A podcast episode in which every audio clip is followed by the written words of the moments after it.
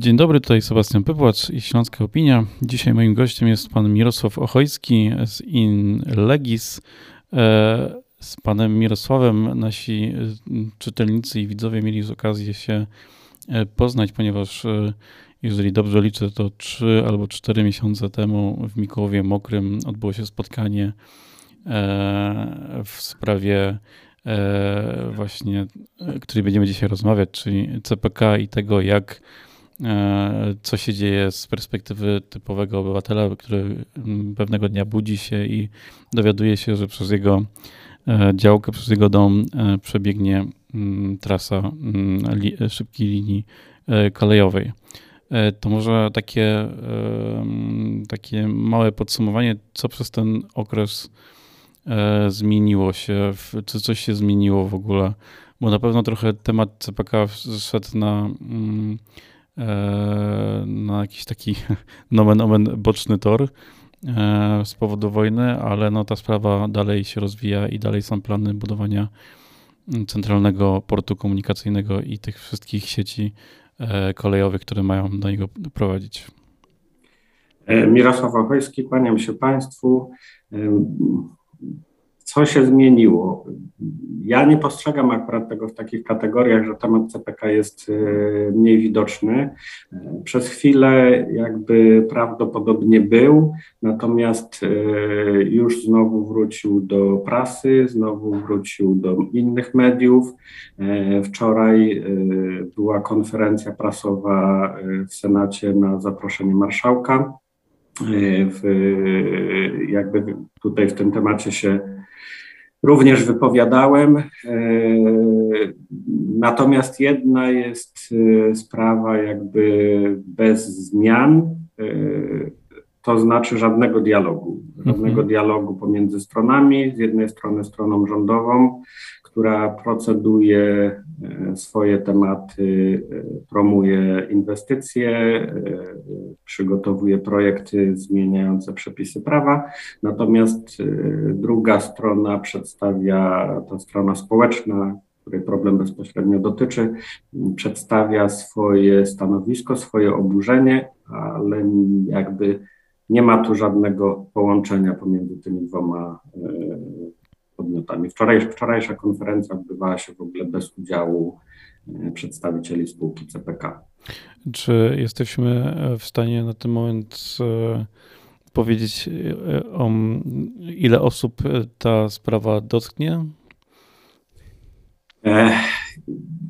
To w ogóle trudno jest oszacować w jakikolwiek przybliżony sposób, dlatego że e, no, to słusznie ktoś tam nazwał, że do tej pory to powstały obrazki, a nie projekty.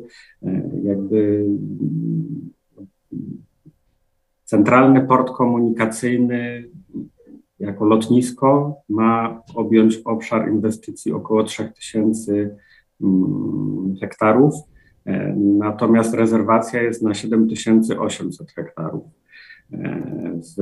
Nie ma do tej pory lokalizacji szczegółowej, mimo tego, że podobno w przyszłym roku mają zacząć się wywłaszczenia.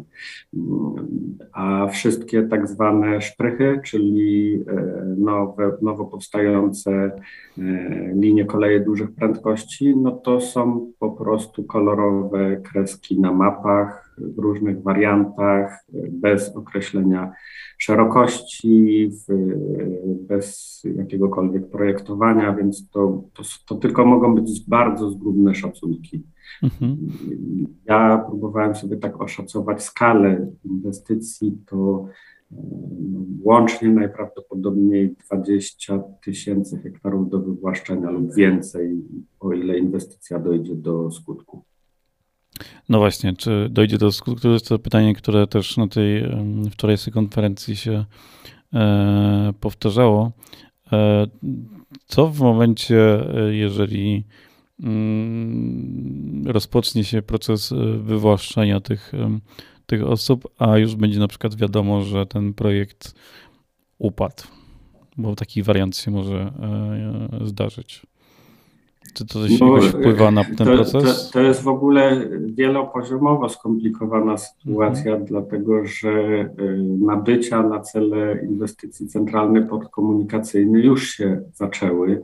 One mają co prawda jakąś tam mikroskalę, natomiast y, w tej chwili spółka realizuje program dobrowolnych nabyć, w którym część mieszkańców tam Baranów i Skitki e, już zdecydowała o tym, że chce sprzedać swoje nieruchomości. Mhm.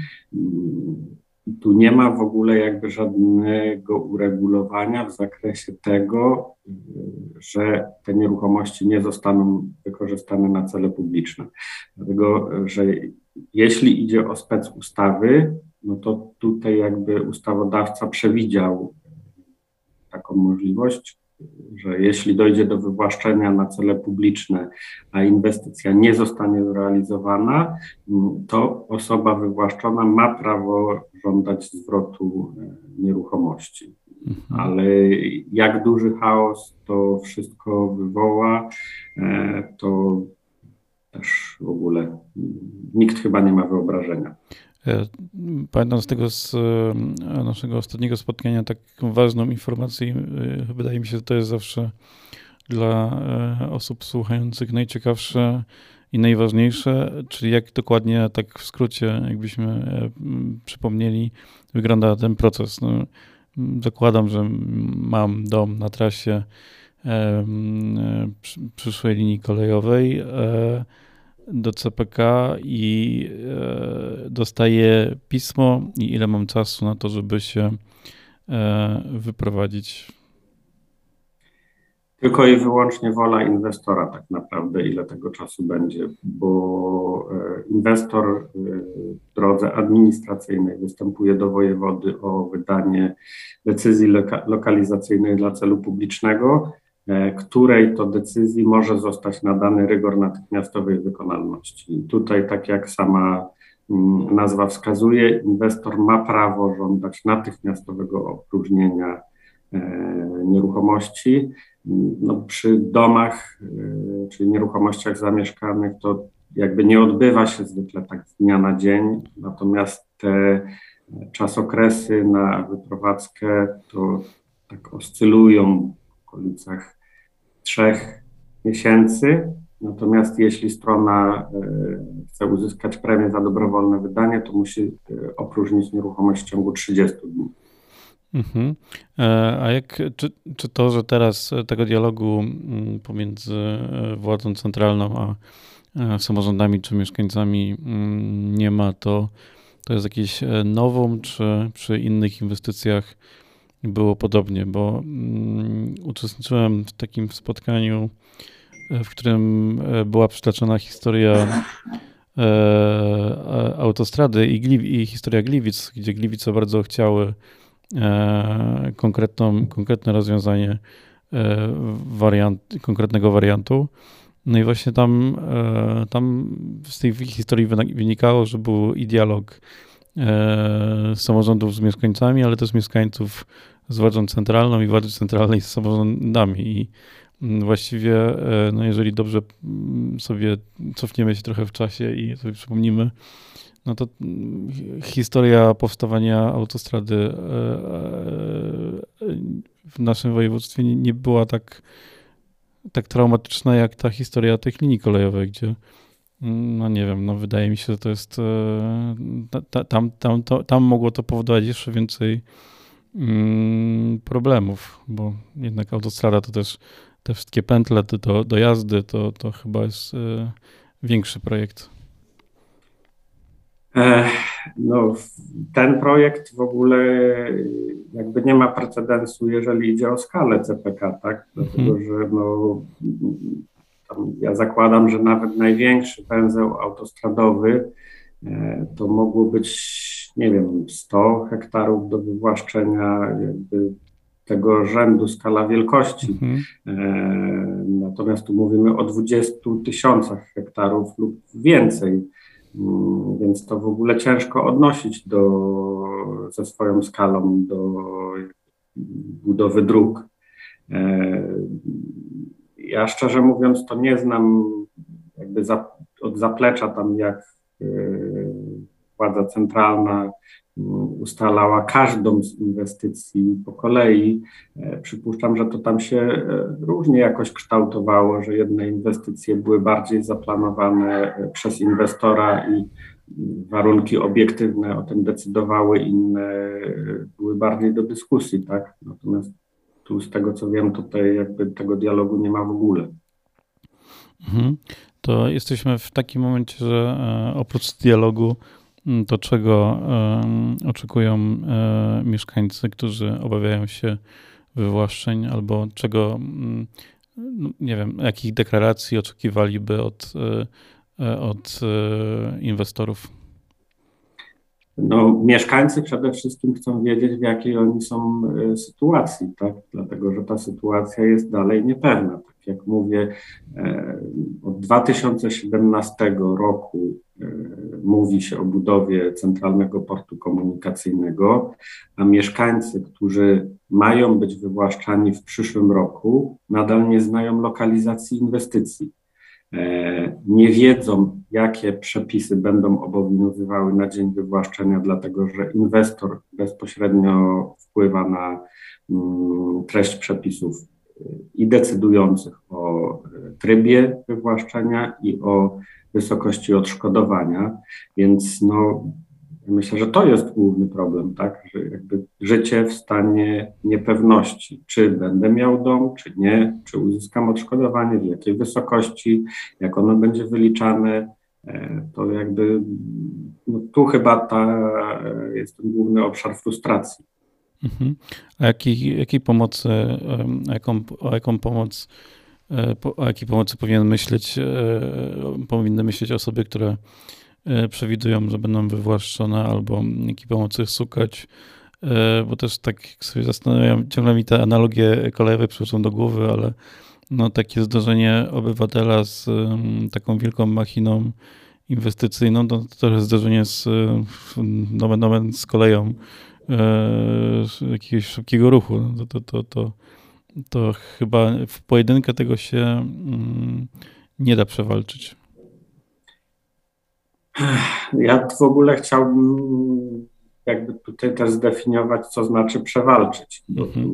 jakby każda z osób ma troszkę inne cele, tak? dlatego że jedni kategorycznie się w ogóle sprzeciwiają realizacji inwestycji, nawet w ich okolicy, inni e, chcieliby po prostu zachować swoje nieruchomości, jeszcze inne osoby mm, są gotowe te nieruchomości oddać pod warunkiem, że będą w stanie sobie odtworzyć w ogóle jakby obecne siedlisko, tak, czy tam miejsce zamieszkania. E, w jak, jakiej pomocy? No, w tej chwili to jakby wszystkie te rzeczy dzieją się w sferze dość niesprecyzowanych planów. E, więc no, tu nie ma na razie środków prawnych, które można podejmować. Tak naprawdę większość kwestii sprowadza się do lobbowania e, tych obszarach, o których tam wcześniej mówiłem. Mhm. I no, ta bezprecedensowa skala jakby planowanej inwestycji też wywołała taki skutek, że mm, osoby, które, których problem dotyczy, się jednoczą, tak? Powstają środowiska zintegrowane, grupy na Facebookach, stowarzyszenia, e, wzajemne kontakty, zaangażowali się w temat politycy, zaangażowali się, zaangażowały się media, tak, więc tu mm, chyba cel na tą chwilę to jest y, otwarcie w ogóle tej ścieżki na rozmowy, tak, na władzą i ustalenie w ogóle zasad gry. Natomiast jeśli to już kogoś będzie bezpośrednio dotyczyć, natomiast to są trochę za wczesne teraz etapy, mm, to bliżej już tych decyzji lokalizacyjnych gdzieś tam trzeba szukać, no to wydaje się, że no jednak pomoc indywidualna, prawna będzie jakaś potrzebna. No i każdy w swoim zakresie w tej chwili, e, którego poten- każda osoba, której potencjalnie to może dotyczyć, uważam, że nie zaszkodzi zdobywanie wiedzy, dlatego że mm, większość ludzi dotyczy to raz w życiu, w ogóle nie mają do czynienia z tą materią. E, wyobrażenie o procedurze jest e, bardzo intuicyjne, a przepisy intuicyjne nie są. Przepisy są stanowione, spisane i trzeba sobie z nimi radzić. Czy ta, ten poziom prawny zaczyna się w momencie, kiedy dostajemy to pismo, czy, e, czy być może wcześniej na poziomie, e, kiedy już ten prawdziwy projekt e, zostanie upubliczniony, a nie te obrazki, jak tam wcześniej mówiliśmy? No, no na tą chwilę to w ogóle nie ma jakby tutaj środków prawnych taki obywatel, dlatego że e, nie jest stroną żadnego postępowania. Mhm. Jakby co najwyżej, jak e, będą się działy e, już postępowania w pierwszej kolejności o decyzje środowiskowe, a później o wszczęcie postępowania o wydanie decyzji lokalizacyjnych, to można mówić o tym, że w ogóle jest się stroną i można używać jakichś kroków prawnych, tak? Mhm. Jakby można mm, składać swoje uwagi, zarzuty. Y, teraz w konsultacjach społecznych co najwyżej można się wypowiedzieć, natomiast to jest taki środek prawny miękki, że to jest głos doradczy, tak? Czyli jakby wypowiedzieć się można, ale druga strona tej wypowiedzi uwzględniać nie musi. Mirosław Ochojski był naszym gościem. Dziękuję bardzo. Kłaniam się Państwu. Miłego dnia życzę.